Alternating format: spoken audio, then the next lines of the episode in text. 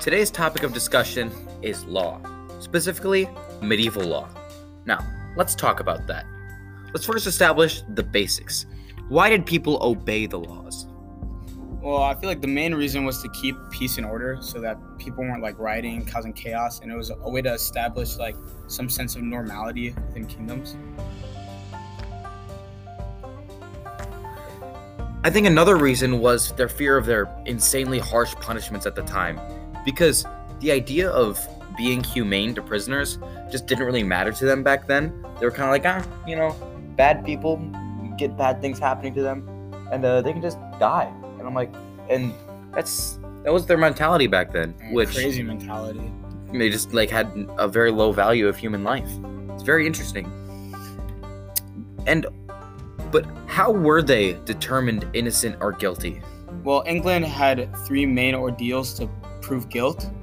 And so they had a, an ordeal by fire, which is when a person holds a, a red hot iron ball and takes tree steps, tree steps, takes steps, Three steps. or takes three, steps. Only if the injury has healed in three days, they're innocent. Which is kind of crazy because they're like, oh, like they're gonna make you hold a red hot iron ball, take three steps, and then they're gonna wrap your hand like tight with gauze. And then if you are healed through some miracle in three days, Yeah. because it's it's not it's not easy to heal when the wound is not getting any air. Plus, that's extremely painful. Yeah, I just feel like it's like a punishment or it's like a test that like literally it's like rigged. Like nobody could even possibly pass that unless like you said through some miracle. Yeah, and what's it gets it only gets better from here. With the second ordeal being the ordeal of water, where you're tied up in like a like you can't move anything, you can't move your arms or legs, and if you they throw you in a lake, and if you float in and if you float, you're guilty. Now think about that. If you sink, you can't move, you So, die. Eh, so if you sink, you drown and die. Yeah, And if other you float, you're guilty, and then they kill you. Yep. It's an unwinnable situation. Well, Which it- is- not only that, but it, I'm pretty sure anybody that they throw in the water is gonna float because, I mean, maybe they didn't have Well, the they can- science back then, but like, don't But they? here's Have, the thing: you can choose not to float. If you don't want to float, you can just let your air out. So you have a that's- choice. Well, like buoyancy of like people, like people naturally float.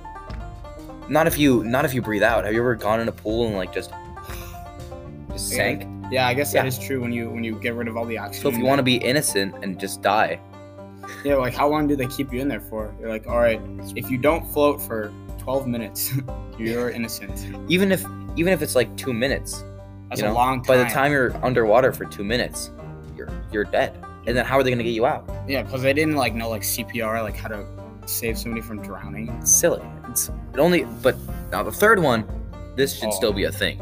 Get this. Yeah, uh, The ordeal of combat, where the accuser and the accused fight to the death, and the winner is declared to be correct about what they say. That's like where medieval dueling came from. That's think- where a lot of it came from. Was a person would accuse somebody of something else. They, you know, they take the glove off, slap them, throw it down, be like, "I duel you." I, but I mean, like that is a one way to solve it. I mean, if the other dude's dead, then you're just like, "Well, I didn't do it." Yeah, I think I think we should still do that to this day. Yeah, really. So like, what if, what if a, a woman goes up to a man? And she's like, "You raped me." Do they Whoa. fight to the death? I w- whoa, yeah, maybe I'm, not. I'm just saying. maybe man. not. This is a terrible idea. I think there's reasons why these laws It's don't true. exist anymore. that took a turn. Okay, um, were people treated equally under the law? Well, I mainly it was discriminated by class. So servants, like if you were a peasant, you were treated harshly and unfair. Like you basically were not even human in a lot of people's eyes. But if you had a higher class, like a lord, you were treated above all. Like everything that you said went, and basically your word was the law. Like if I owned and if I owned land back then, and say you didn't, what would happen is if you accuse me of something, I would just say no, didn't happen. Nope, you don't own any land. You could be like, All right, now you float. It's like uh, it's like the O.J. Simpson trial. Crazy. How times stay the same. Um, women were treated equally no matter if they were married or not. So if a woman who was married, so before this, people like that are barbaric is like if they're married, they get more privilege because of who they're married to. But women, whether married or not, are treated the same under the law, Well, which I is mean, just treated the same as women, or like treated the same treated as the same as women. Okay. Treated the same as women. But women actually had it better under the law. It was much they were much more lenient towards females. They were actually able to like uh like get away with less harsh punishments. And actually if a woman was pregnant, she couldn't be executed. It's a pretty good rule.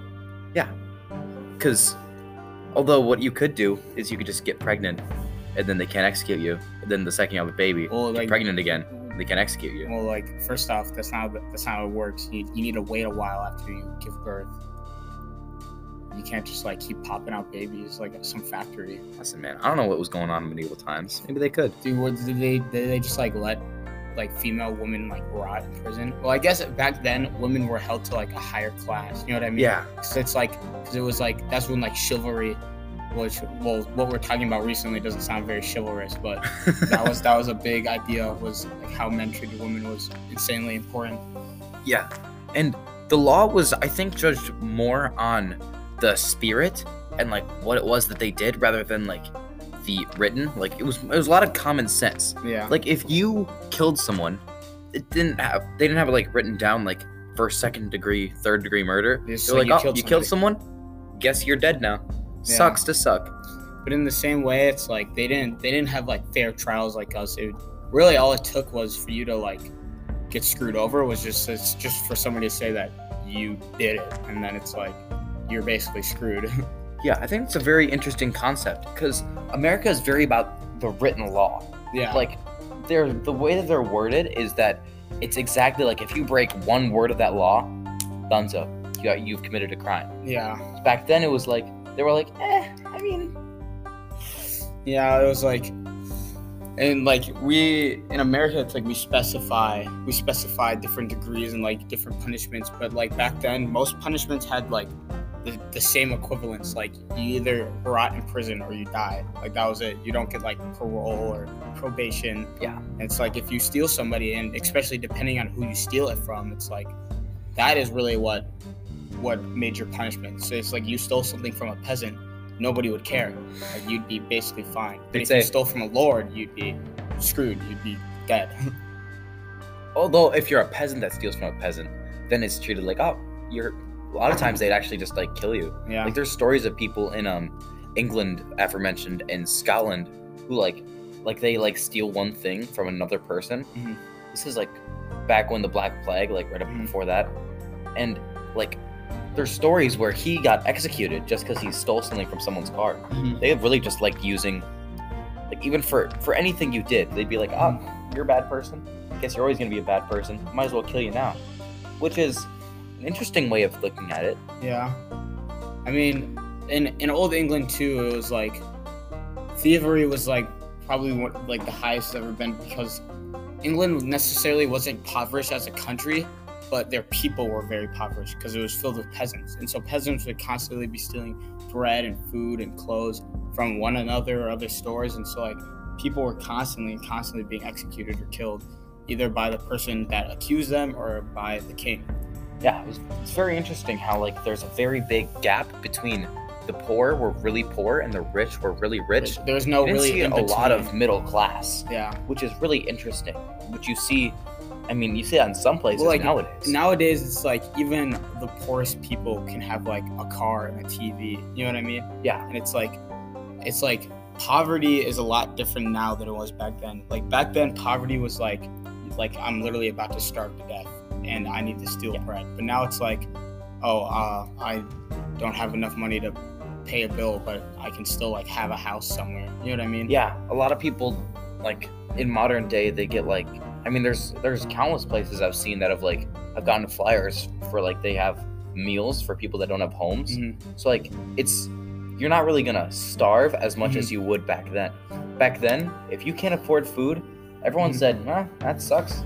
And then Maybe like you should be better." another thing, but like back then, it's like I mean, it, it was hard to get out of peasantry. You know what Oh, I mean? yeah. It was like if you if your parents were poor, it was like guaranteed you were gonna live your life poor.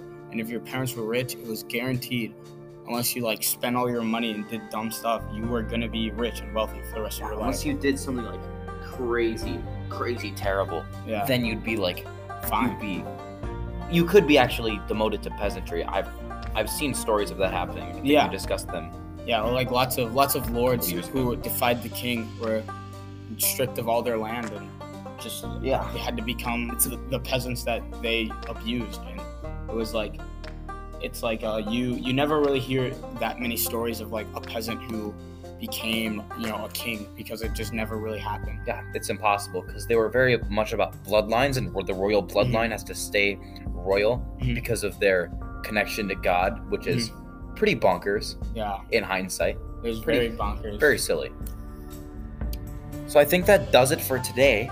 We're running out of time here, but uh, i mean well it's like you forget uh, we we were talking about thie- stealing a lot but like Yeah. the punishment that if you stole it was crazy it was like they just they just cut off your hands because it's Yeah. like they're like, ah, can't grab anything Yeah, anymore. it's like you you have thieving hands. Well, you'll you'll cut them off, which I, I feel like actually comes from the Bible because, well, that was a very biblical thing. Was you know, if you steal, you you should cut off your hand. That's what Jesus said. But I feel like they took it a lot more literal little, than they should little, have. a little too literal.